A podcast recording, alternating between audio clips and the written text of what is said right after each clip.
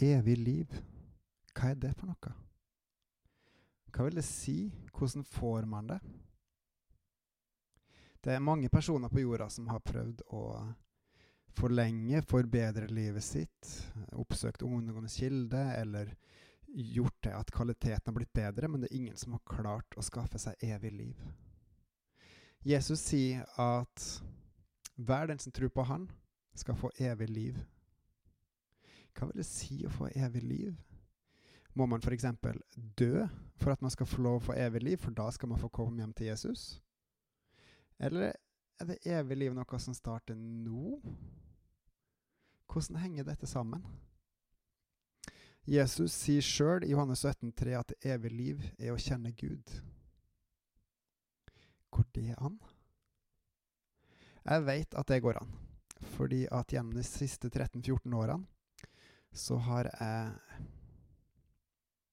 bevisst søkt Gud og funnet ut at det å kjenne Han er faktisk det beste som finnes av absolutt alt.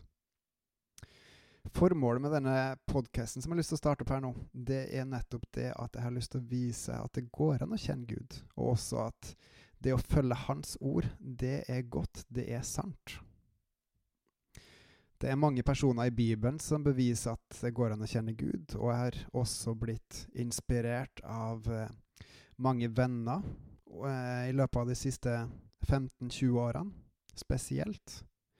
Og så har jeg også etter hvert fått stadig flere eh, Eller stadig, jo, stadig flere opplevelser med Gud og fått en sterkere og sterkere relasjon med Han gjennom de siste 13-14 årene. Mitt navn det er Håkon Winnem. Jeg er lærer. Jeg bor på Aske, gift, har to unger og går i ei eh, kirke som heter Vestkirken. Går det virkelig an å kjenne Gud? er det store spørsmålet i dag. Um, en av de første personene du møter på i Bibelen, fra første Mosebok 11 og utover, det er Abraham. Um, vi får ikke noen introduksjon av hvem Abraham er, bortsett fra at på et eller annet tidspunkt så finner han plutselig ut at han skal reise vekk fra, reise vekk fra hele familien og slekta si, og tar med seg kona si og noen slektninger og alt det han eier. Hva er det som gjør til at en person som er veldig sterkt tilknytta familie, slekt og plassen en bor på, det var også andre guder man tilba da, plutselig bestemmer seg for å bare reise. Ta med seg sitt og reise. Jeg har alltid syntes at det har vært veldig interessant å snakke med folk eh, om hvorfor de tror som de tror. Hva er det som gjør det? Jeg vil tippe at Abraham hadde en ganske sterk erfaring av Gud på, den, eh, på det tidspunktet. For hvorfor ellers skulle han ha reist vekk? Og gjort, stort sett gjort det som Gud sa at han skulle gjøre med unntak av, i hvert fall eh, som jeg kjenner til, at han løy to ganger i forhold til hvem kona si var, og også i forhold til at han prøvde å skaffe seg en etterkommer på egen hånd. Leser man om Abraham, så ser du mange små opplevelser som han hadde sammen med Gud, og samtidig også at han stolte på Gud stort sett hele tida gjennom alt det han sa og gjorde. Og Gud lovte han faktisk at OK, du er en gammel mann, og kona di er en gammel kone, og det er way beyond at dere kan bli gravid, men du skal få litt, like mange etterkommere på himmelen her som det er stjerner på himmelen. Jeg tror Abraham rett og slett må ha hatt et møte med Gud, og flere møter med Gud, som gjorde at han valgte å leve et liv for Gud, og ikke bare følge det som han egentlig sjøl hadde lyst til å gjøre. Um, som dere kanskje hører av dialekta mi, så har jeg en hint av uh, trøndersk i meg. Og samtidig så er jeg også fra Jæren. Jeg vokste opp i en kristen familie uh, med noen søsken som per dags dato ikke er kristne. Jeg var sjøl en tradisjonskristen ganske lenge, ca. til jeg nesten var 20-25. Og jeg husker at jeg konfirmerte meg bare fordi mine eldre søsken hadde gjort det, og jeg visste at foreldrene mine ønsket at jeg skulle gjøre det. Så det var bare noe jeg gjorde. Og jeg husker også jeg hadde en samtale med noen av de andre som skulle konfirmere seg samtidig med meg oppe i Klæbu. eh, om at eh, det var noen som gjorde det for pengene, og noen som gjorde det for gavene. Eh, men det var veldig få som virka til å gjøre det fordi at de trodde på Gud eller ønsket å bli kjent med han, bortsett fra noen få. Jeg var ikke en av de. Um, etter hvert som jeg kom til Bergen som student, så begynte jeg å møte på litt andre folk som eh, eh, virka til å brenne for et eller annet. Som virka til å ha en glød for Gud.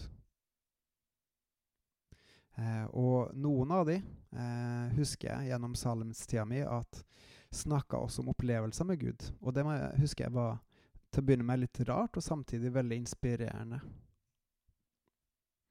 Og etter hvert så møtte jeg på også en annen person som fortalte meg at han prata med Gud hver dag. Og det syntes jeg i hvert fall var spesielt. Og så tenkte jeg samtidig også at det har jeg også lyst til å klare. Han eh, Jeg husker at han jobba eh, Vi snakka en del om sjølbildet, fordi at det var nok litt lavt på den tida. Og så husker jeg også at han ga meg noen tips i forhold til hvordan eh, jeg kunne få kontakt med Gud, hvordan jeg kunne bli kjent med Gud. Og en av de gode tipsene han ga meg, var at bare snakk til Gud, snakk med han hver dag. Og det at jeg, jeg husker at jeg sa at jeg mista fokuset ofte. Jeg begynte å tenke på andre ting, og sa ja, ja, men det er ikke noe stress med veien. Du merker at du har begynt å tenke på noe annet, så bare gå tilbake igjen og så snakk videre til Gud. Så viser du han at du vil bli kjent med han. Og det her var i 2005, og nå er vi eh, i begynnelsen av 2019. Og i løpet av de siste 13-14 årene så vet jeg at jeg klarer ikke å se sånn veldig tydelig når de ulike framstegene uh, har skjedd, men jeg vet jeg har blitt så sykt mye bedre kjent med Gud. Jeg føler meg nesten som at jeg har gått fra å være en liten baby til å være kjent med Gud, til å bli litt mer kanskje tenåring. Kanskje litt vanskelig å si, men allikevel så opplever jeg at jeg kjenner Gud mye mer nå i dag. Jeg er jo så heldig at Eh, jeg har opplevd sykt mye med Gud, flere tusen ting. Jeg husker bl.a. at høsten 2005 så var det som å leve på en rosa sky, fordi jeg, eh, det var så nytt og godt, det å kjenne Gud og merke at han eh, var nær da. Og det er han fortsatt, bare at nå har det blitt normalt, så nå merker jeg ikke på samme måte. Men det å bare vite han er der, og det er faktisk det aller beste også. Det at eh, jeg har noe trygt. Jeg har et fjell å stå på. Jeg vet at Gud er nær. Jeg vet at jeg er trygg så lenge jeg kjenner Han. Ikke trygg fra farer i verden, men jeg har evig liv så lenge jeg kjenner Han. Og uansett hva som skjer, så har jeg eh, min glede i Han. Jeg har freden i Han. Jeg har min rikdom i Han, og det er en ære å være med på å bygge Hans rike. Og noe av det som også er veldig kjekt, er å møte på andre mennesker som brenner for Han, eller som lengter etter å bli kjent med Han. Og da er det som egentlig som at Da kan jeg egentlig prate nonstop. Da er det som å eh, Vi har kommet inn på en sånn kilde som aldri tar stopp. Som bare flommer og flommer og flommer på. Og den derre tryggheten eh, som den gir meg, det at jeg kjenner Gud, at jeg er hans eh, adopterte sønn, som det står fem plasser i Nytestamentet, i grunnteksten Det Den derre tryggheten den kan ikke måles med noe. Og det er også flere konkrete eh, eh, opplevelser på, eh, med ting som har skjedd i livet mitt. Og samtidig så er det også en trygghet som bare ligger i bunnen hele tida, hele tida, hele tida. Jeg kan når som helst, hvor som helst, med så å si hva som helst, snakke med Gud. Og han er der. En liten utfordring til deg. Hvis du ønsker å bli kjent med Gud, eller hvis du ønsker å bli bedre kjent med Gud, så anbefaler jeg rett og slett å fortelle han det. Jeg anbefaler deg å rett og slett si det til han hver dag framover. Eh, og også be han om å hjelpe deg med å få det til. Fordi eh, det går an å be det én gang, eh, og det kan hende at det skjer ting da også, men hvis du virkelig ønsker å vise Gud at du ønsker å bli kjent med Han, vis Han at du mener det. Mas litt på Han. Ta kontakt med Han. Snakk til Han. Si hei, si god natt, god morgen. Eh, fortell Han at du har lyst til å bli kjent med Han. Be han om å hjelpe deg med å få det til. Du skjønner ikke helt hvordan, f.eks. Og så bare si 'hjelp meg'. Og så kan du også faktisk se hva som skjer etter hvert. Kanskje skjer det ikke akkurat på den måten du tenker, men Gud, han hører, og han svarer.